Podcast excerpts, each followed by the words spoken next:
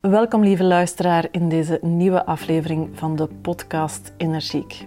Na weer een aantal kortere solo-afleveringen ben ik heel blij dat ik vandaag weer eens een bijzondere gast mag verwelkomen, Leanne Steegs. Leanne is systemisch trainer, executive leiderschaps- en teamcoach en auteur van het boek Systemisch Wijzer.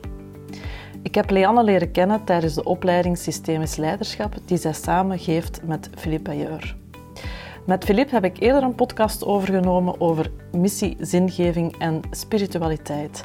Nog steeds een van mijn persoonlijke favoriete afleveringen, dus die kan je zeker ook een keertje beluisteren. Bij deze wil ik ook even reclame maken voor de fantastische opleidingen die Leanne en Philippe geven omtrent systemisch werken. Dus ga dat zeker ook eens even checken als je uh, na deze podcast denkt uh, dat is interessant om meer over te weten. Ik had zelf al heel wat opleidingen gevolgd over zelfontwikkeling, maar de opleiding rond het systemisch werken heeft echt wel een aantal puzzelstukken in elkaar laten vallen, waardoor een en ander terug is beginnen stromen. Want dat gebeurt er wanneer je je plek als leider inneemt. Dan kan de energie terug stromen. En daar ga ik het met Leanne over hebben in deze aflevering. We werpen een systemische blik op een aantal thema's waar leiders mee worstelen. Leanne heeft op mij een bijzondere indruk nagelaten, omdat ze je plek als leider innemen echt belichaamt. Haar energie is krachtig en kwetsbaar, diepgaand en lichtvoetig met humor. Direct en compassievol. Leanne woont in Monnikendam, vlak boven Amsterdam, maar ze was zo lief om mij vandaag ergens tussenin te ontmoeten. We zitten in Hoogstraten, ze is hier omwille van een training die ze geeft en het is zaterdagochtend, dus uh, ja, 8 uur. Dus we zijn er vroeg bij vandaag. Welkom Leanne in de podcast Energiek. Dankjewel Twiggy en wat een eer om in jouw podcast te mogen zijn. Ik ben nog een beetje stil van jouw introductie. We zijn hier vandaag ergens tussenin, uh, tussen waar jij woont, Monnikendam, ver boven, Am Allee, of een stukje boven Amsterdam, en um, waar ik woon in uh, beter kom. um, ergens tussenin zijn, dat is ook wel iets wat een leider wel eens tegenkomt, hè, Leanne? Ontzettend vaak, denk ik. Um, ik heb dat het zelfs uh, het, het meest gemerkt in de coronacrisis toen alles online was. Toen, en daar hadden de mensen de neiging om alles heel strak op elkaar te plannen. En ik merkte dat mensen dan echt stipt om 11 uur in een meeting kwamen, stipt om 12 uur begon de volgende meeting alweer. En wat je dan merkt is dat een heleboel van de aanwezigen in zo'n meeting, dat die nou, of nog aan het uh, aankomen zijn vanuit het vorige, of alweer aan het vertrekken zijn naar het volgende. Ja. En dat, dat, is, dat is iets wat, wat natuurlijk continu gebeurt. Uh, niet alleen maar als je fysiek verplaatst, maar ook als je telkens opnieuw contact moet maken in een nieuwe context met een, nieuwe, met een nieuw thema, een nieuwe vergadering of wat dan ook. Dus het present zijn, ergens helemaal aanwezig zijn, dat, daar komt nog best wel wat bij kijken. Ja. En daar staan we, en ook leiders, veel te weinig bij stil. Eventjes tijd nemen om aan te komen. Ja, net als nu ook. Hè? Wij komen ook ergens vandaan. Ik ben gisteren vanuit Kasteel Hoevenwangen, waar we twee dagen opleiding systemisch leiderschap trouwens hebben gehad, uh, ben ik hier naartoe gereden. Was het ook nog een uur en een, en een half rijden. Um, ik ben in een hotel geweest en ik zei het al, vanochtend was, had ik maar drie minuten de tijd nodig om hier te komen. Dus ergens is mijn lichaam hier ook al gisteravond gearriveerd. Um, en kan mijn ziel uh, daar, daar, daar, heeft ook de tijd om mee te reizen. Dat klinkt misschien wat hoogdravend, maar ja, je, hebt, je, je hebt jezelf helemaal nodig om helemaal present te zijn. Ja. En dat, uh, en dat zijn we vaak niet. En ik denk in, uh, ook nu in onze conversatie en in, in um, ja, in, in, in de gesprekken die we hebben, of dat nou met onze kinderen is of op het werk is. Mensen voelen het of je er bent of niet. Dat klopt en dat, dat is wat ik nu zelf ook een stukje voel. Ja. Hè? Um, dat ik zelf nog in dit gesprek moet landen, omdat ja. ik nog bezig ben met dat het wel goed gaat zijn. Zo, hè? Dat ik ja. wel de juiste intro heb gegeven. Dus ik voel aan mezelf dat ik, dat ik nu ook nog echt moet in het gesprek zelf zakken. Ja. En dat is inderdaad wat je, wat je vaak ook in organisaties ziet als leider. Je komt van de ene vergadering en je moet onmiddellijk in de andere en daar weer hè, uh, de positie innemen om de vergadering te sturen. En soms ja, ben je echt nog met je gedachten ergens anders. Hè. Dus tijd om aan te komen, in te checken. Heel erg belangrijk. En dat geldt voor mij natuurlijk ook, hè, Twiggy. Want ik zit ook niet iedere dag met een microfoon uh, op, op, op 20 centimeter voor mijn neus. En, uh, dus wat dat betreft is het ook fijn dat we, hoe we hier ontvangen zijn. En dat we even de tijd hadden om ook deze ruimte een klein beetje meer eigen te maken. Ja. dus dat is een van de dingen die ik overigens zelf ook doe als ik ergens uh, werk. Op, met een organisatie of, of in, in opleidingsverband. Dan neem ik, ik neem eigenlijk altijd een, een, een box met boeken mee. Um, om een boekentafeltje te maken. Ik neem altijd een box mee met muziek. Om iets toe te voegen van mijzelf aan die ruimte. Zodat ik al, alvast een plek maak waarin ik iets meer kan landen. En dan heb ik ook een plek van waaruit ik kan vertrekken. Vertrekken in het werk. Ja. Dus als ik geland ben, dan pas kan ik ook die nou ja, die veiligheid en die holding space, dat is hè, het bieden om een veilige ruimte te maken waarin we het werk kunnen doen wat we te doen hebben. Ik merk bij mezelf inderdaad ook, hè, als je met groepen werkt, ja, eigenlijk aankomen, hè, er vroeger zijn, hè, de plek installeren, heel belangrijk. Maar voor mij ook het afsluiten, zo het afronden. Um, ik vind het dan ontzettend fijn om in mijn eentje nadien alles op te ruimen, de kaartjes terug op hun plek te leggen. Ja. En um, dat doe ik het liefst ook alleen. Hè, om dan even zo in mijn gedachten eigenlijk ja, de vergadering af te ronden of de sessie af te ronden. Ja.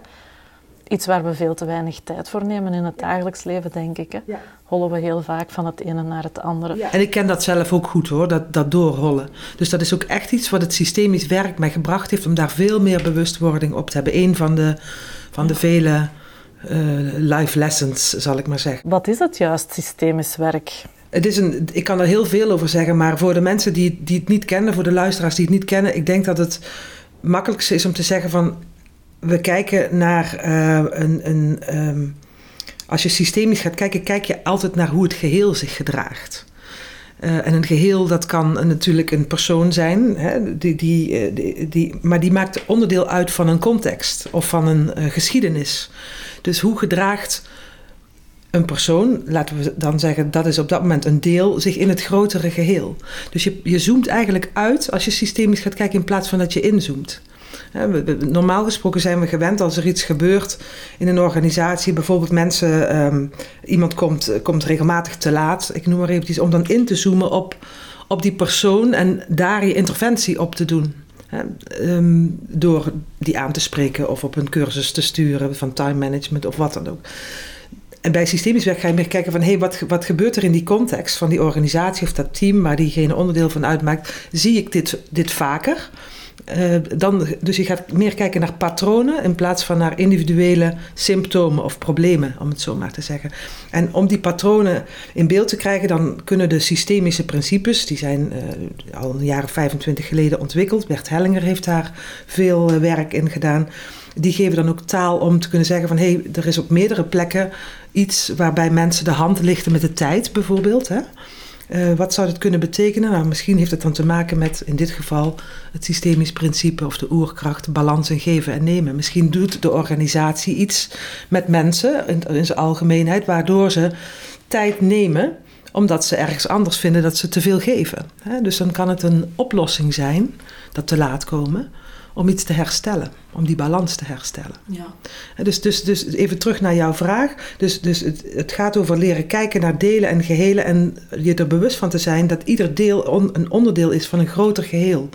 Dus het, als je dat overdrijft, kun je ook nou, eindeloos uitzoomen natuurlijk, hè, tot aan het universum aan toe. Dat vind ik persoonlijk niet zo zinvol in het werk. En ik zeg altijd van, nou, als ik met een persoon werk, dan uh, in een persoonlijke context, dan kijk ik hoe, hoe, waar komt die persoon vandaan? Wat is zijn gezin van herkomst of haar gezin van herkomst? Wat is er vanuit het familiesysteem uh, gebeurd wat die persoon gevormd heeft? Werk ik met die persoon in bedrijfscontext, dan kan de eerstvolgende grotere systeem kan dan bijvoorbeeld het, team zijn of de maatschap of de afdeling waar, waar diegene bij hoort. Dus, dus, dus op die manier uh, leren kijken. Uh, ook leren kijken naar, naar organisaties en teams als levende organismen die zich op een bepaalde manier gedragen. Dat is, dat is onder andere systemisch. En ergens hebben we allemaal ook een hele goede uh, antenne voor waar stroomt het en waar stroomt het niet? Want je had het daar straks bij de introductie ook over, hè? over stromen. Mhm. Dus waar, waar, waar dat, dat, we, weten, we voelen het of het stroomt of niet. En dat is, geldt dus ook voor de levensenergie in organisaties. Want je hebt een systemische opleiding gevolgd. Wat is er voor jou uh, veranderd in jouw manier van kijken of handelen? Wat de opleiding voor mij vooral gedaan heeft, is inderdaad um, het, het, puzzelstuk van je bent uh, een onderdeel van een systeem. Um, en waar dat ik vroeger mijzelf heel makkelijk buiten het systeem zette. Dus telkens dacht van, ik sta er buiten, ik hoor er eigenlijk niet bij. Mij veel meer in het systeem ga zetten om, um, ja, om van daaruit de energie te laten stromen. Want als je je er buiten zet, ja, dan ja, dan zit je vaak zelf in een soort van weerstand. Hè? Dus dan, dan, ja, dan ben je er geen onderdeel van. Vanuit mijn gezin van herkomst, mijn favoriete plaats of mijn comfortzone om in de toeschouwer te zitten. Ik denk dat daar ook absoluut eh, hele mooie krachten zitten, zeker in het werk dat ik doe. Maar als ik dan bijvoorbeeld kijk naar het, uh, meer naar het privéleven, dan is het zo waardevol om onderdeel te zijn. En ja, en, ja echt in het geheel opgenomen te worden en dat ook toe te laten. Hè. Dus dat is zeker een van de dingen. Dat herken ik ook bij jou. Ja. Dat je veel meer aanwezig, veel meer ingestapt bent, als het ware. Als ik dan meer kijk naar het, het professionele uh, luik, hè, wat, wat systemisch werk mij ook zeker gebracht heeft, is wat je zegt over dat uitzoomen. Um, kijken naar, oké, wat zijn de symptomen? En dat veel meer gaan zien als iets wat... Um, ja, is eigenlijk een oplossing dat het systeem bedacht heeft. En dat dat niet goed of fout is, maar dat dat gezien de context, gezien het geheel, gezien de systemische werking, uh, dat dat heel logisch is dat dat de oplossing was. Ja. En in plaats van dat ja, te gaan afdoen als iets wat eigenlijk raar is of ja, niet goed is. Ja, en het werkt ook onschuldigend of, op, op persoonlijk niveau dan. Hè? Dus, dus, het is ook, dus, dus het is ook wel mooi wat jij zegt over je eigen ontwikkeling daarin. Hè? Dat je zegt van ik was, dus, de, dat die toeschouwer of observatorplek is, is mijn favoriete plek. Die ken ik gewoon ook vanuit mijn gezin van herkomst. En daar komen hele mooie uh, krachtige en waarschijnlijke kernkwaliteiten uit voort. Maar als je kijkt naar, naar, de, naar je eigen heelheid als mens, of dat nou voor jou of voor mij gaat, het, dat maakt geen verschil. Dan, dan is er dus ook het instappen was dus meer het oefengebied, zeg maar. En je, bent, je hebt het oefengebied veel meer betreden, waardoor je ook meer heel wordt op die, op die polariteit van, van, van blijven kijken, van een afstand bekijken en, en ook vol in durven stappen. Dus je kan het veel meer allebei bewandelen en daar, daar word je meer heel van en uw gezin van herkomst. Je bent u daar wel hè, bewust van hoeveel impact dat, dat heeft, maar door hè, met dat systemische aan de slag te gaan, ja, um, besef je pas echt hè, hoe diepgaand dat, dat werkt op je schuldgevoel en ja, hoe dat je je schuldig hebt te maken om echt volwassen te worden. En ja, dat, dat is, laten we zeggen, een, een puzzelstukje dat er, dat er echt nog wel ontbrak. Zo. Ja. ja. Dus ik kan iedereen absoluut aanraden om met het systemisch werken aan de slag te gaan. We gingen het vandaag hebben over um, ja, een, een, systemische blik werpen op uh, een aantal leiderschapsthema's of een aantal leiderschapsthema's waar uh, ik leiders wel eens zie mee worstelen. En ja, om, om er al maar vast eentje te noemen, hè, effectief die plek innemen van leider. Dat is iets wat ik uh, vaak tegenkom, hè, dat um, leiders, en zeker als ze doorgegroeid zijn uit het team zelf, dat ze het moeilijk hebben om die positie echt ook in te nemen, om die plek in te nemen, um, het team aan te sturen, um, beslissingen daarin te nemen.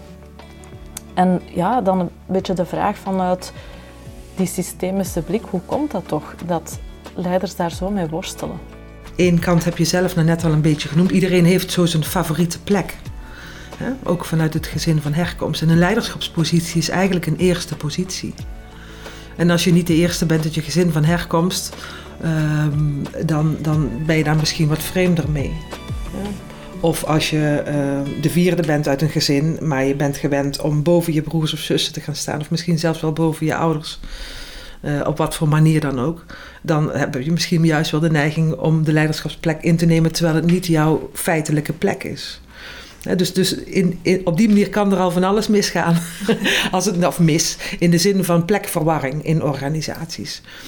Um, de, de, het voorbeeld wat jij noemt is, is natuurlijk een heel specifiek voorbeeld. Want je, moet je voorstellen dat, dat, uh, dat je eerst lid bent van een team. Eerst heb je een lidmaatschapsplek. En dan word je verkozen of groei je door naar een leiderschapsplek. Dus je verlaat als het ware je lidmaatschapsplek om de leider te worden van je broers en zussen, wat voorheen je broers en zussen waren in de organisatie. Dus dat, kan, dat, dat, dat alleen al voelt waarschijnlijk voor veel leiders heel disloyaal. Waardoor ze. Um, bang zijn dat, dat mensen eh, hun zien als die voelt zich nu vast beter. Of, um, of omgekeerd. Um, ze hebben zelf behoefte aan dat lidmaatschap. Kunnen dat niet zo goed vinden of nog niet vinden op, op het nieuwe niveau, op die nieuwe laag. En hebben dus de neiging om constant nou, nog eigenlijk uh, in het appel mee te gaan. Van joh, uh, lunch gezellig met ons mee. Of ga. Hè? Dus worden, uh, als je daar gevoelig voor bent, voor dat erbij horen. En dat zijn we eigenlijk allemaal, hè? want het is natuurlijk een, een basisbehoefte van mensen. Um, dan zul je toch op die, vanuit die nieuwe plek je lidmaatschap opnieuw moeten organiseren met mensen die op die laag uh, jouw jou, uh, broers en zussen in de organisatie zijn. Op het moment dat je dus te vaak afdaalt, weer naar de laag waar je uit vandaan kwam, dan wordt die plek op dat moment niet bemand. Geldt ook voor vrouwen natuurlijk. Hè? En mensen voelen ook van hé, hey, dan, dan, dan, dan daar is niemand. Dus die grijpen op een bepaalde manier ook mis. Ja. En dan zal iemand anders, die vanuit zijn blauwdruk gevoeliger is voor die leiderschapsplek, die zal dan zeggen van nou, dan regel ik het wel. Ja, dan krijg je zo het, het fenomeen van de informele leider, hè, die, die dan wel een stempel op het team begint te drukken. Terwijl de echte leider daardoor een beetje ondermijnd wordt, toch? Hè? Als iemand interveneert vanuit een plek die niet de zijne of de hare is, dan komen die interventies meestal niet zo goed aan. Mensen voelen ook van klopt het dat het op deze manier tegen mij gezegd wordt. Als iemand die, niet, die geen formele leider is, daarin uh, nou, um, um, te veel leiderschap opneemt voor wat, wat feitelijk past, dan kan dat al snel aanmatigend voelen. Het, tweede is, in, dit, in ditzelfde voorbeeld, is um, wordt zo iemand die doorgroeit naar die leiderschapplek, wordt die ook goed geïnstalleerd op die plek? En dat is natuurlijk weer het niveau daarboven wat dat moet doen. Als je jezelf moet gaan verkopen van ik ben nu, uh, dat is ook vrij kansloos, zeg ik. Dat eigenlijk zijn of haar leidinggevende de persoon ook echt op die plek neerzet. Nou ik denk dat jij en ik, we hebben, wij werken natuurlijk als zelfstandigen met groepen en dus ook wel eens met teams in organisaties. Als de leider van, van, van dat team, ik vraag altijd, introduceer mij, maak een plek voor mij zodat ik op die plek kan landen.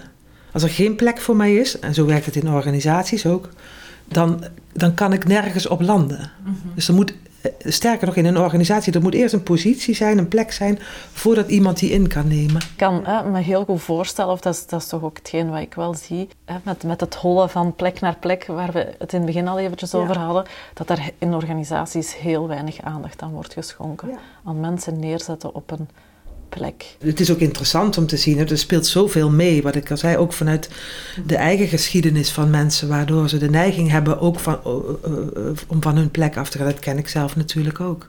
En wat bedoel je daarmee? Ik ben dan de, de oudste hè, van mijn gezin van herkomst. Ik heb een, een hele een opvoeding gehad waarin zelfstandigheid en onafhankelijkheid heel erg aangemoedigd werd. Niet eens expliciet, maar impliciet was dat uh, het normaal bij ons thuis. En dat is ook het normaal geweest van mijn ouders, die al met 14, 15 uh, uit huis gingen en uh, aan, het werk, aan het werk gingen.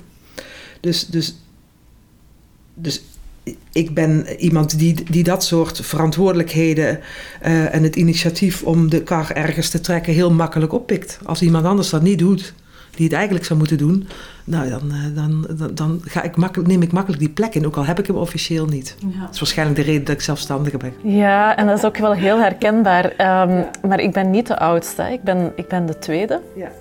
Dat was trouwens ook een, eh, een, eh, een best een worsteling, zo, hè, dat je op de tweede plek ik vond dat, dat vond ik tijdens de opleiding bijvoorbeeld ook een hele lastige. Je plek, hè, uh, op de tweede plek. Ik had altijd zoiets van, ja, dat is evenwaardig dan de eerste plek. En dat, dat is ook uiteraard evenwaardig. Maar systemen brengt dat iets helemaal anders met zich mee. Mhm. Dus ehm, dat is, ik neem wel heel veel verantwoordelijkheid. Dat komt ook voort uit mijn gezin van herkomst. Dat, dat, ja, dat werd bij ons ook gewoon verwacht. Hè. Ik lag daar wel eens mee van eh, het, eh, het opvoedingsmotto van mijn ouders was trek uw plan. Hè. Dus als ik thuis iets vroeg, dan kreeg ik altijd het antwoord trek uw plan. Ja, hè, dus er werd eigenlijk heel veel eh, verantwoordelijkheid van mij gevraagd. Want als het dan zou mislopen, ja, dan, zou ik dat ook wel, dan zou ik daar ook wel voor gestraft worden. Dus het was trek uw plan, maar doe dat wel op de juiste manier. Hè? Dus verantwoordelijkheid nemen zit er, zit er absoluut in. Dus ik ga ook heel veel verantwoordelijkheid overnemen, maar ik blijf ook wel heel graag in die tweede plek zitten.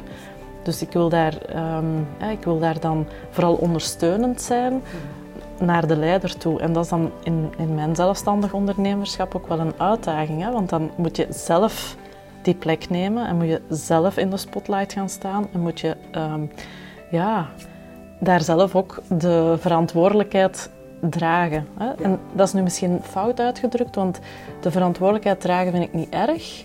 Het is eerder zo inderdaad eh, ja, het voortouw daarin nemen. Echt die plek als leider opnemen. Ja, en dan eh, eh, hoe ik het ervaar in, in samenwerking met leiders en hun teams, is dat er vaak natuurlijk aan, aan een, een teamcoach of een, een begeleider of een facilitator of in welke rol ik dan ook kom, dat er ook vaak iets uitbesteed wordt aan mij wat die leider zelf lastig vindt om te doen. Ja.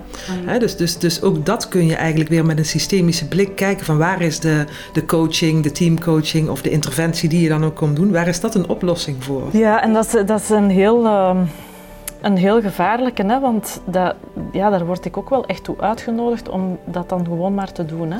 Ik zeg altijd mensen ruiken van een kilometer afstand waar jij goed in bent.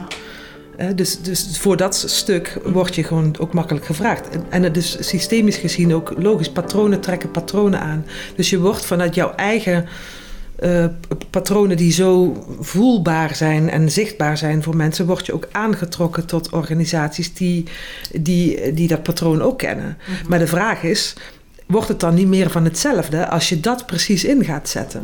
Ja. Dus dus, dus de, de, wat ik ook zo mooi vind is, je wordt nog steeds wel gevraagd om, om eigenlijk misschien wel voor, voor, voor, voor datgene wat bij jou op de voorgrond ligt. En in mijn geval zijn dat ook die dingen als eerder kracht dan kwetsbaarheid.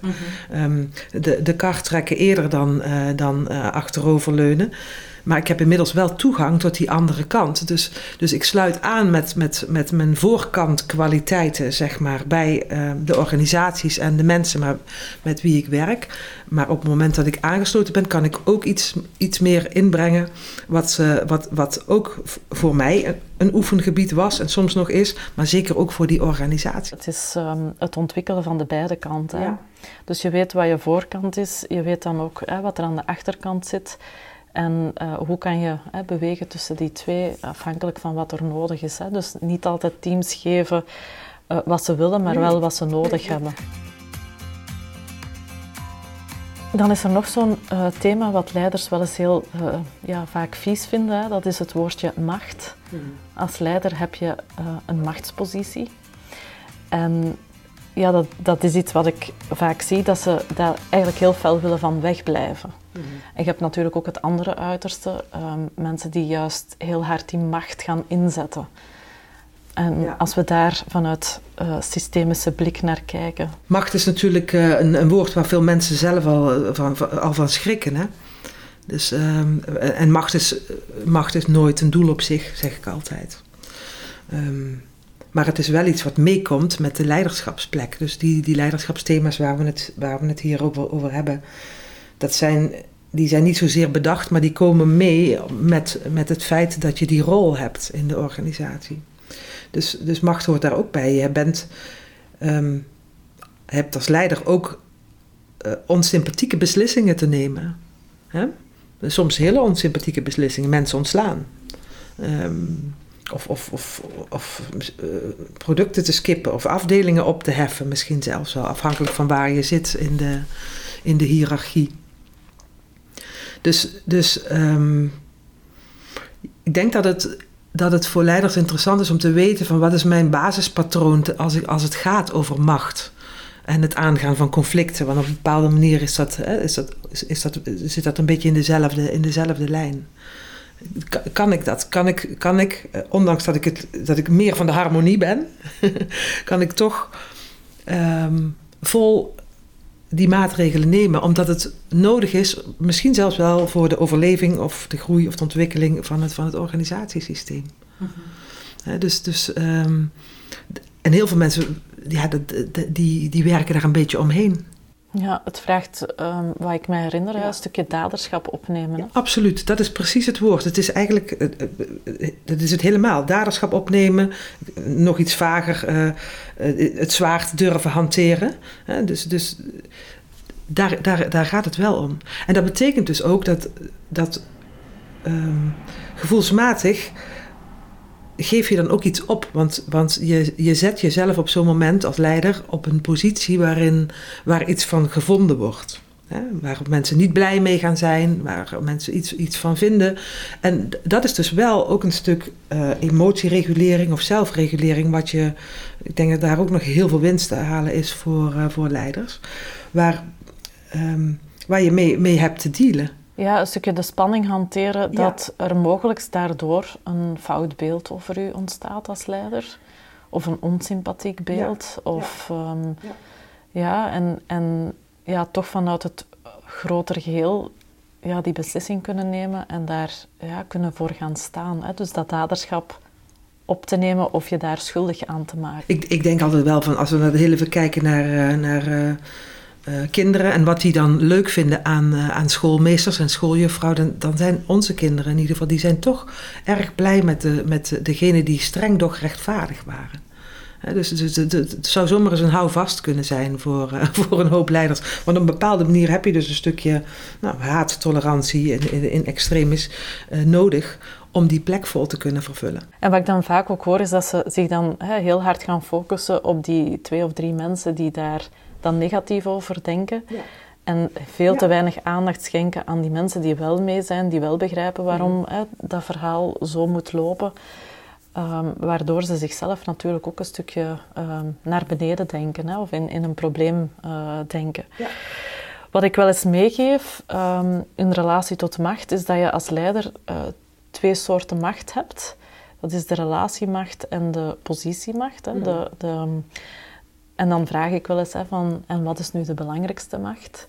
En dan zegt men, hè, uh, uiteraard de relatiemacht. En dat is natuurlijk ook zo. Hè. Als jij dagdagelijks erin slaagt vanuit een goede intentie mm -hmm. een goede relatie uit te bouwen met mensen, en dat wil niet zeggen uh, iedereen's vriend te zijn, maar wel um, als leider echt die oprechte interesse te ja. tonen.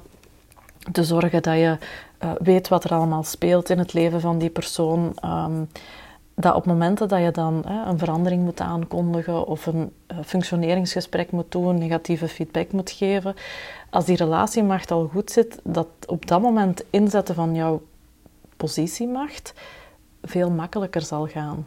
Hè? Omdat je al een heel veilige ja. bedding gecreëerd ja. hebt. Ja, je zou bijna kunnen zeggen, dan heb je al een soort van positieve bank, bankrekening ja. of banksaldo opgebouwd hè, om met COVID te spreken. Ik denk dat, het, dat, het, uh, dat, dat ook het stukje macht vaak uitbesteed wordt aan, uh, aan externe. Denk ook bijvoorbeeld aan interim managers die, uh, die uh, binnengevraagd worden om, uh, nou, om bepaalde orde op zaken te stellen. Dus als je altijd onschuldig wil blijven, niet, niet dan, dan blijf je ook jong. Dan, dan je leid, dat verstevigt je leiderschap niet.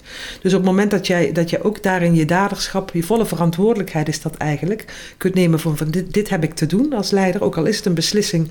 Um, ja, die, die, waar, waarmee, uh, um, waarmee niet iedereen blij zal zijn, of nog sterker, helemaal niet blij is, dan, um, dan heb je dat, dat stuk in jezelf eigenlijk aan te roepen. En dan zul je dan eerst contact mee moeten maken. Want anders wordt het een opgeblazen iets. Dat, dat is denk ik wat jij bedoelt van leiders die dan boven, bijna boven hun macht gaan werken. Ja, dat, dat is ook een patroon. Hè? Ja. De afstand houden en, ja. en hè, vanuit die afstand wel heel makkelijk die machtspositie kunnen inzetten, maar eigenlijk niet, niet in relatie zijn, niet in verbinding zijn nee. met medewerkers. Nee. En dan wachten totdat het, totdat het zich zo ver opstapelt dat je in moet grijpen. En dat is dan eigenlijk nog meer bedoeld om, om je interne spanning te regelen, dan, ja. hè, dan, dan wordt het heel schokkerig als het ware. Ja. Dus, dus eigenlijk is wel mooi wat jij zegt, van als het wat meer uh, uh, past binnen het, binnen, een, binnen het ehm, binnen de aanwezigheid die de leider zeg maar door de weken heen laat zien, dan kan macht er eigenlijk ook prima, prima bij horen. Want iedereen snapt dat uiteindelijk wel. Hè? Ja, en iedereen verwacht dat uiteindelijk ook, hè? dat, dat je als leider die beslissingen neemt bazen, die uh, tussen aanhalingstekens, die zeggen van ja, ik ben hier wel uh, de leidinggevende, maar bij ons werkt dat niet zo. Die doen ook iets met, met die plek. Hè? En die, die, die, die, die, die zorgen er eigenlijk voor dat, dat er ook niemand is op die plek. Um, die dan inderdaad ook dat soort beslissingen of besluiten kan nemen. En ik kan me voorstellen dat dat heel veel onduidelijkheid ook geeft als je daar niet zo inneemt, die plek, en vervolgens die macht inzet op bepaalde momenten. Medewerkers verwachten ook dat je dan beslissingen neemt. In Nederland is het ook moeilijk. Hè? Wij zijn echt een land van, uh, van, van polderen. Uh, eindeloos, eindeloos polderen. En uh, daar wordt ook heel veel gesproken natuurlijk over leiderschap. maar ik denk dat, dat, dat gemiddeld in organisaties in Nederland ook wel het volgerschap echt wel een thema is. ja, om te leren volgen. Ja. ja. Zeker in crisissituaties, hè, dan, uh, ja, dan, moet dan moet je soms gewoon volgen wat er beslist wordt. Hè, of uh, het wordt echt helemaal chaos. En dan, dat is dan ook weer die context. Hè. Wat is de context waarin een bepaalde ja, leiderschapstijl of een bepaalde voorkant uh, meer dienend is? Hè, of, of ja, welk patroon daar meer dienend is? Het is altijd in welke context zit je en wat is daar nodig. Iets anders waar veel leiders ook een beetje vies van zijn, is uh, successen vieren. Ja, dus als je met teams aan de slag gaat en je hebt het over um, ja, hoe functioneren jullie als team en, en hoe zou je jezelf omschrijven als team en waar heb je nog op te groeien, dan is er heel vaak zoiets als, ja, wij vieren geen successen. Hè. Wij hollen inderdaad maar door van uh, dit resultaat is binnengehaald. En hop naar de volgende overwinning. Ja. ja. maar ook daarin is het goed om je eigen thema's te kennen. Van wat heb ik vanuit mijn geschiedenis geleerd over over succes vieren.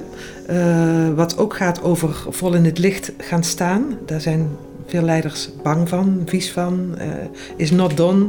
Uh, omdat we. Velen van ons kennen natuurlijk, doe maar gewoon, dan doe je al gek genoeg. Of je kop niet boven het maaiveld uitsteken. Hè? Dus, dus vol in het licht staan, dat roept al een disloyaliteit op. Ten opzichte van waarschijnlijk je, je ouders of je familie. Um, en misschien ook wel andere systemen waar je, waar je uit vandaan komt, maar die, die vooral. Dus, dus, maar daarmee, op het moment dat je dat niet doet, dat je de successen van het team als leider niet in het licht zet, dan, dan, dan zet je ook het team uh, niet in het licht. Dus, dus hoe kan een team shinen in een organisatie of succesvol zijn als de leider dat iedere keer ondermijnt door maar weer nieuwe doelen te stellen die waarschijnlijk weer hoger zijn, nog meer omzet of nog meer, nog hogere targets uh, dan. dan uh, dus dat, dat is jammer. Dus, dus ook dat zijn allemaal markeermomenten in organisaties die, die super belangrijk zijn. En, en de diepere thema's die hieronder zitten, het gaat misschien wat, wat, wat, ver op persoonlijk niveau, zijn soms best wel prima bewust te krijgen. Zoals van wat, ik heb, wat heb ik voor boodschappen meegekregen als het gaat over succes vieren en stilstaan. Of hoe gingen wij bij, ons thuis, voor mijn part, om met verjaardagen. Hè? Dat, zit ook al in, is ook al een indicator. Maar er zijn ook nog diepere oorzaken die veel meer onbewust zijn. Als ik kijk naar mezelf, dan zit daar ook eh, de overtuiging achter van het is nooit goed genoeg dus je hebt dan iets behaald en dan begin je onmiddellijk te kijken wat de volgende stap is. Dus ja, gewoon daarvan genieten dat, dat je dat behaald hebt, dat je dat resultaat hebt neergezet. Daar even uh, bewust, zoals jij zegt, te oogsten. Maar vanuit uh, ja, een soort uh, overtuiging, ja, het is nooit goed genoeg, ga je weer op naar het volgende. Hè? Als ik dat zo hoor bij jou, dan denk ik van, oh ja, dan is, dan is dat een affirmatie of een overtuiging. Is die van jou? Komt die uit je systeem? Hè? Dat, dat, maar in ieder geval is het er eentje die misschien een keer uh, geherformuleerd uh, zou mogen worden. Hè? Mm -hmm. Ja, ja, het is goed zoals het ja. is. nou ja, of, of, voor nu is het even goed genoeg zo. Ik vind het fijn om hier even bij stil te staan. Ja, dat is een heel belangrijke. Hè? We, zo, wat, zijn de, wat zijn de succesingrediënten? Wanneer zijn wij als team echt sterk en kunnen we daarop verder bouwen? Dat is zo krachtig en dat wordt zo weinig onderzocht of zo weinig bij stilgestaan. Ja. En dat geeft ook... Allee, naar, naar het team zelf toe ook veel meer waardering dan wanneer, mm. ja, als team doen we dit en dit en dit nog niet zo goed. Hè? Ja. En vanuit dat positieve of vanuit waar, waar zijn we mm. al succesvol of wanneer zijn we op ons best als team. Dat geeft enorm veel energie om van daaruit te vertrekken. Hè. En, en dat geldt ook voor, voor andere momenten waarop uh, geoogst, gevierd uh, mag worden in, uh, in organisaties. Hè. Zoals bijvoorbeeld rond een, uh, rond een vertrek van iemand die, die jarenlang bij heeft gedragen aan, aan de organisatie, die, nou weet ik veel, tig jaar in dienst is, is geweest. Om ook dat moment veel beter te markeren. Dus afhankelijk van hoe lang je bij hebt gedragen aan een bepaald systeem en vanuit welke positie, is het ook van belang om daar een, op een goede, passende manier uh, um, afscheid van te nemen. Afscheid nemen van is eigenlijk, zit eigenlijk aan de andere kant van het continuum van erbij horen. Hè? Dus um, als je op een mooie manier kunt afscheid nemen, dat geeft ook weer een gevoel van erbij te horen. Ook al stopt de, ja. de reis met dat systeem voor jou op dat moment. Ja het is wel op een uh, mooie, warme manier gebeurd. Ik, ik, heb zelf verschillende organisaties verlaten. En um, als ik kijk naar de manier waarop dat gegaan is en met welk gevoel je dan vertrekt, dat is zo verschillend. Wanneer dat op een manier kan dat het gevierd wordt, versus ja, ja. Je, je, moet eigenlijk langs de achterdeur ja. vertrekken. Hè? Ja. Successen vieren is één, maar heel veel mensen hebben een vorm van succesangst. En als je even terugkomt naar het vorige, vorige thema macht, als je, als je vanuit jouw rol veel mensen hebt moeten ontslaan, vanuit een HR-rol bijvoorbeeld, mm -hmm. heb je ook gehad, hè? Dan, dan, dan kan het ook um, in de organisatie of misschien wel bij jezelf ook leiden tot, tot, uh, tot een vorm van survival guilt. Van ik mag blijven en anderen moesten gaan. Ja, um, goh, ik, heb, ik heb uiteraard ik heb mensen individueel uh, moeten ontslagen, heel veel. Hè. Um, maar daar heb ik altijd wel gemerkt dat de relatie uh, die ik met die mensen wel had, heel hard geholpen heeft. Hè om, uh, want ook dat is vaak een uitbesteden klus, hè? dat ja. de manager dan uh, zegt, uh, HR kan jij niet de boodschap brengen. Absoluut. Een aantal keren meegemaakt um, en dan is dat omwille van omstandigheden, hè, omdat de, de, de, manager een Nederlander is die op die dag niet aanwezig kan zijn in België. maar oké, okay, ja, weet je, dat is dan weer die verantwoordelijkheid die je er dan maar bij pakt um, en je doet dat dan wel. Maar ik heb wel altijd gemerkt dat de relatie die ik met de mensen had er wel voor zorgde ja, dat dat toch wel kon landen. En ja, als je dan zelf voldoende aandacht geeft aan dat op een goede manier afronden, ja, dat dat toch met een ander gevoel is. Um, ik, ik heb zo'n anekdote dat, dat ik iemand heb moeten ontslaan. En uh, ja, dat was dan ook mijn wagen inleveren. En ja, dan, dan ben ik die ook gewoon naar huis gaan brengen. Allee, en dan hebben we in de auto ook nog gewoon uh, gezellig gebabbeld. En uiteraard was dat heel hard wat daar gebeurde. Maar aan de andere kant, ja, als je van mens tot mens kunt blijven met elkaar in contact staan, dan, ja, dan kan je dat op een of andere manier ook wel weer beter verteren. Ja, ik kan me ook zo voorstellen, ik weet niet of dat voor jou in dit voorbeeld ook zo was, dat als je je verbindt met het grotere geheel, wat, wat, wat, wat is nodig voor, voor, voor de organisatie, voor het organisatiebelang, Ehm, dan, dan horen dat soort beslissingen er ook bij. Dus op dat moment helpt het ook om je te verbinden met een groter geheel en niet alleen maar op persoonlijk niveau uh, te blijven. Hè? Dus dat, dat, dat, is, dat helpt. Dat helpt om macht in te zetten en dat helpt ook om successen te vieren. Dus leiders moeten ook voorbij hun persoonlijke voorkeuren kunnen, kunnen, kunnen handelen. Daar gaat, daar, gaat het, daar gaat dit werk over. Dus je moet je eigen ongemak, wat je tegenkomt, daarin kunnen verduren, zeg ik altijd um, kunnen containen, wellicht. Omdat, je nu, omdat er nu eenmaal vanuit die rol en die plek uh, dingen meekomen die anders zijn dan wat jou normaal is. Dus ook die, die, ja, dat, dat ongemak uh, daarin um, kunnen verduren zonder um, terug te grijpen op je, op, je, op je oude logica, om het zo maar te zeggen. Dat is leiderschapsontwikkeling. Ja, en, en inderdaad, um, daar leren mee spelen. Hè? Ja. Dat, ja, dat een bepaalde context ja. een, een ander gedrag vraagt. Hè? Of een persoon een ander gedrag vraagt. Of, ja. Als het gaat over succesangst of, of, of geluksangst, wat ook grote, diepe, systemische thema's zijn die teruggrijpen uit, uit, ons, uit ieders eigen geschiedenis, als, als mensen vanuit jouw geschiedenis, je ouders of grootouders of nog verder weg, als, als die een zwaar lot hadden of die zijn, om wat voor reden dan ook, hebben die hun potentieel of hun succes niet vol kunnen, kunnen uh, leven, dan, dan is het ook uh, een hele innerlijke stap voor hun nageslacht, voor ons als kinderen van onze ouders, om bij wijze van spreken succesvoller of gelukkiger te worden dan dat zij waren. En je kan al voelen, dat is een ook een, ehm, een stap waarin je als het ware Ehm, ja, het schuldgevoel, je bent dan niet schuldig, hè? maar het is het schuldgevoel wat je, waar je dan overheen moet. Ja, daar zijn we inderdaad niet van bewust, maar die kan wel heel blokkerend werken. Hè? Waardoor dat je toch uh, niet gaat vieren en, um, en zegt, dat is eigenlijk allemaal niet nodig. En ja. Dat is eigenlijk niet zo belangrijk, en, maar eigenlijk is het wel belangrijk. Hè? het fenomeen hè, dat uh, vandaag ja, veel organisaties zitten volop in verandering, de ene verandering na de andere. Leiders beginnen wel het gevoel te krijgen dat ze in die veranderingsprocessen uh, vaak eerder een soort van psycholoog moeten zijn voor hun medewerkers, omdat er ja, vaak ook heel veel unfinished business naar boven komt. Maar die unfinished business heeft niet noodzakelijk met de leider te maken, maar wordt er wel heel vaak op geprojecteerd. En um, ik vind dat zelf ook wel een, een heel boeiende, omdat um, ja, we toch vaak van leiders ook verwachten dat ze een soort van superhuman zijn die um, en een strategische visie moeten kunnen uitzetten en goed met mensen moeten kunnen omgaan en altijd de juiste dingen zeggen en mm. Terwijl het uiteindelijk ook maar mensen zijn die inderdaad ook met een eigen rugzak uh, rondlopen en in die functie staan. Maar wat je toch ziet is dat medewerkers vaak naar het werk komen met een soort van projectie dat een leider iets moet oplossen voor hen. Wat ze misschien thuis niet opgelost krijgen. Ja, er wordt sowieso heel veel op leiders geprojecteerd natuurlijk. Hè? Van unfinished business, uh, van de mede, vanuit de medewerkers natuurlijk. Uh, overdracht, hè, dat je, en hoe kan je daar als leider toch mee omgaan? Hè? Want wat ik bijvoorbeeld zie, is dat, dat leiders soms heel ver gaan in het meegaan in dat verhaal en dan zich, zich heel verantwoordelijk voelen over hoe dat een medewerker zich voelt, mhm. terwijl dat oh dan niks meer met hen te maken heeft. De leider die, die, die, die, dit doet, wat jij nu net beschrijft, die daar heel erg in meegaat, die wil misschien te veel de goede moeder of de goede vader zijn voor die, voor die medewerker. Uh, tussen aanhalingstekens. Hè, maar ergens.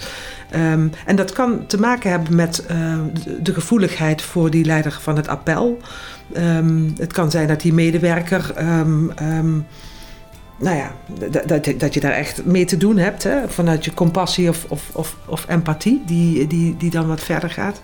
Maar dat zegt natuurlijk ook iets over de leider zelf dus, dus, dus, ook, ook, dus, dus de projectie zit niet alleen vanuit de medewerkers naar de leiders toe. De leider die zelf de, de goede moeder of de goede vader zit, daar ben ik dan wel altijd benieuwd naar. Wat heeft hij zelf dan voor, voor uh, thema's nog open liggen? Um, unfinished business, om met jouw woorden te spreken, met, met, zijn, met zijn eigen ouders. Uh, um, is hij daarin ook iets aan het compenseren, mogelijk?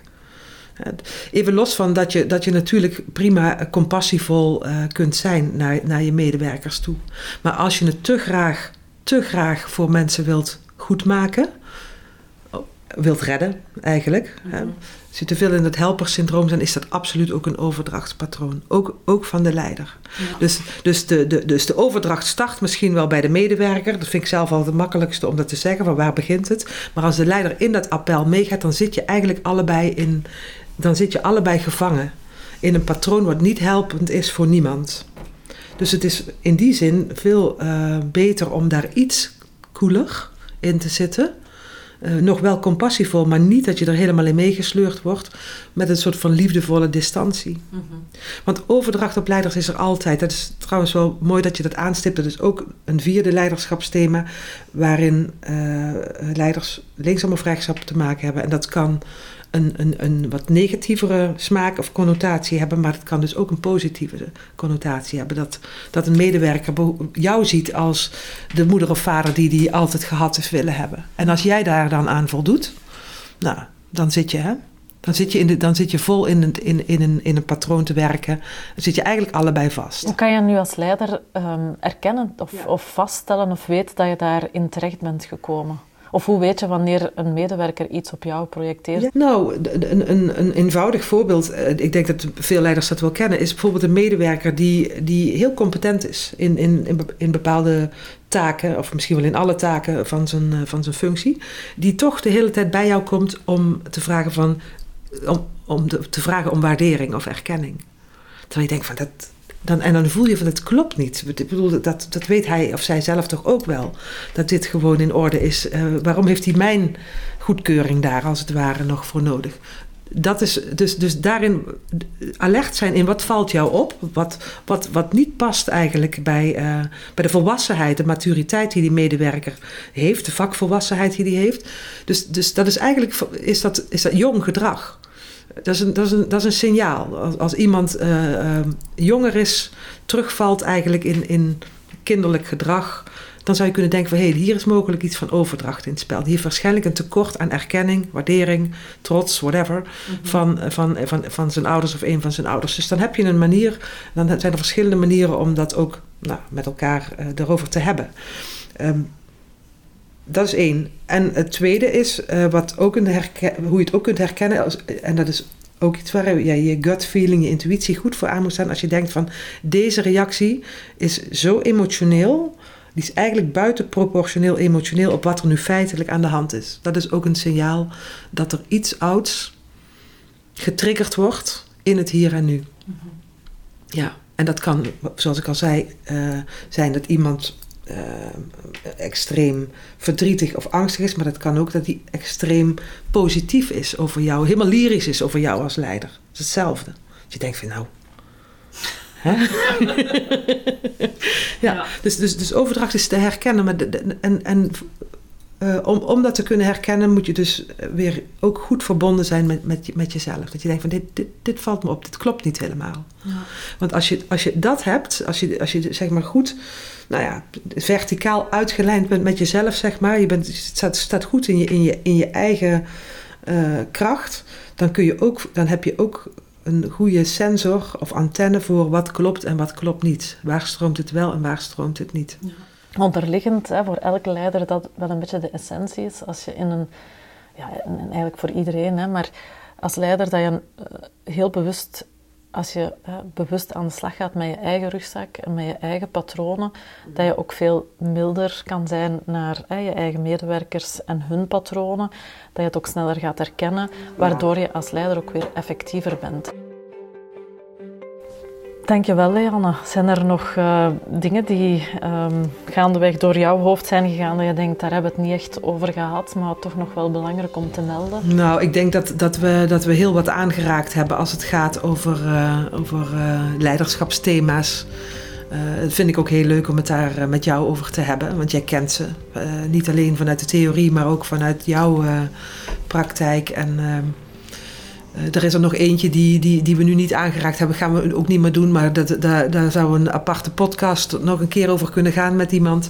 En dat is natuurlijk de, de balans tussen het eh, mannelijke en het vrouwelijke uh, in, in je leiderschap. Ja, ik ga dat noteren voor een volgende keer, Leanne.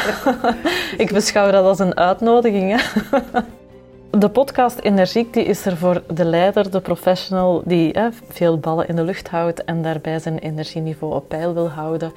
Um, en dan stel ik ook telkens de vraag aan mijn uh, gasten: hoe doe jij dat, Leanne, jouw energie hoog houden? Ik heb sinds mei van dit jaar een, uh, een, een, nieuwe hobby. En dat is uh, open water zwemmen. En dat is zo'n mooi, mooie manier, zo'n voedende manier eigenlijk om op te laden fysiek natuurlijk, hè, want, want het, is, het is letterlijk ook iedere keer weer de schrik van de koude water en dan daar doorheen kunnen ademen. Dus het is een hele mooie manier om telkens weer meer vertrouwen te krijgen in je eigen lichaam, dat je daar doorheen kan, kan ademen. Maar het is ook prachtig daar, de verbinding met de, met de natuur, die afhankelijk van de weersomstandigheden weer iedere keer anders is. Dus het, ook de verbinding met het grotere geheel zit daar heel erg in. Dus ik, ik merk dat ik daar heel erg van oplaad en Um, en dat die structuur bijna, uh, om dat gewoon te doen, die, die komt niet vanuit het heilige moeten, maar ik word er min of meer naartoe getrokken. Dus, dus, dus ik heb, iedere dag heb ik zin om, om naar het water te gaan. He, dus het is een grotere beweging van flow waarin ik meestroom als het ware. En dat zijn uh, dat soort activiteiten uh, die die, ehm, die, zijn, die zijn het meest voedend. Ik heb de neiging om vanuit mijn oude patroon van dingen doen, bedenken en doen en een planning erop maken, om ook mijn vrije tijd op die manier vol te proppen. Dat is mijn neiging. Nog steeds. moet ik eerlijk bekennen. maar dan heb ik het dus heel druk met van alles wat ik moet van mezelf op een dag waarop ik mezelf vrij heb gegeven. Of waarop ik uh, of op een weekenddag. Dus ik probeer, dat is mijn, uh, mijn learning waar ik op dit moment probeer steeds met waar heb ik nu behoefte aan? Heb ik nu, in plaats van dat ik plan van ik ga dan en dan lezen, denk ik van oh, ik heb nu, nu zin, heb ik, heb ik zin om even te gaan lezen. Ja, dat, dat, is, dat is het mooie. Hè? Als het op die manier kan, dan, uh, dan ja. laat het ook ja. echt op. Hè? Ja, en dat is, dat is ook, dat, dat is ook één andere hele belangrijke learning vanuit dit werk. Om veel meer op, op die flow te durven varen in plaats van zelf vanuit mijn eigen geplande toekomst, zeg maar, uh, uit te stippelen uh, hoe ik het ga doen. Um, de heel doelgerichte beweging die is er nog steeds wel, maar het is ook fijn om zoveel meer verbonden te zijn met wat gebeurt er allemaal ondertussen en daar ook op te kunnen, te kunnen inhaken. Als die ruimte er is, is dat wel een hele mooie manier van ontspannen en opladen. Ja. En het laatste ding, ik ben ook een bekennende workaholic, dus mijn werk geeft mij ook energie. Wat ons inderdaad energie geeft. Hè. Ik werk ook graag hard en veel en um, ik krijg daar ook energie van. Ik, ik ontwikkel daardoor ook. Um, dus dat op zich is niet het probleem. Hè. Het is uh, vaak wel het probleem om op tijd ook zo in die meer uh, zachte energie te gaan, die rustige energie. Hè. Rust te nemen, zoals jij het net ook schetst. Van oké, okay, ik, ik geef mezelf een dag vrij en op die dag moet ik dan ook eens niks. Hè. En ja. dat is vaak de uitdaging dan. Hè. Waar ik vroeger dan uh, wel bleef doorgaan, ook al voelde ik die roep van neem nu wat rust en ontspan, bleef ik toch doorgaan vanuit een soort um, ja, uh, drang om altijd maar nuttig bezig te zijn. Als ik nu die uh, roeping voel en ik heb eigenlijk nog echt wel van alles te doen, dan kan ik heel makkelijk daar gewoon inzakken. Ja. Omdat ik gewoon voel dat mijn systeem het op dat ja. moment ja. nodig heeft. Dus voelen wat je systeem nodig heeft, of dat nou sporten is en welke sport dan, of dat wandelen is, of krachttraining, of, of gewoon eventjes in dat water zijn. Uh, dat, dat, dat, dat, dat, contact met je lijf en de informatie vanuit je lijf daar veel meer in betrekken, dat geeft. Uh, uh, en dat ook serieus nemen en daarnaar handelen, of juist dan niet handelen in mijn geval. dat is, dat, en het is van belang om opgeladen te zijn. Ja. ja dus, dus want, want ook, ook ons werk vraagt en vergt veel van ons. Dus om, die, hè, om, om te zorgen voor die, voor die geestelijke voeding of voeding voor de ziel, dat is super belangrijk. Ja. Want uit een vol, alleen uit een vol vat kun je veel geven. Ja. Mooi gezegd, ja. ja. Goed, Lianne, om het uh, systeem eens uit te drukken, ik denk dat de bestemming van deze aflevering bereikt is. Heel erg bedankt. Ik vond het uh, super boeiend. Ik had er ook enorm naar uitgekeken. Ik ook. Ik wens jou een uh, veilige terugreis. Dankjewel, Twikkie. Heel fijn om jou ook weer te ontmoeten. Ja, ja dankjewel. Dank je.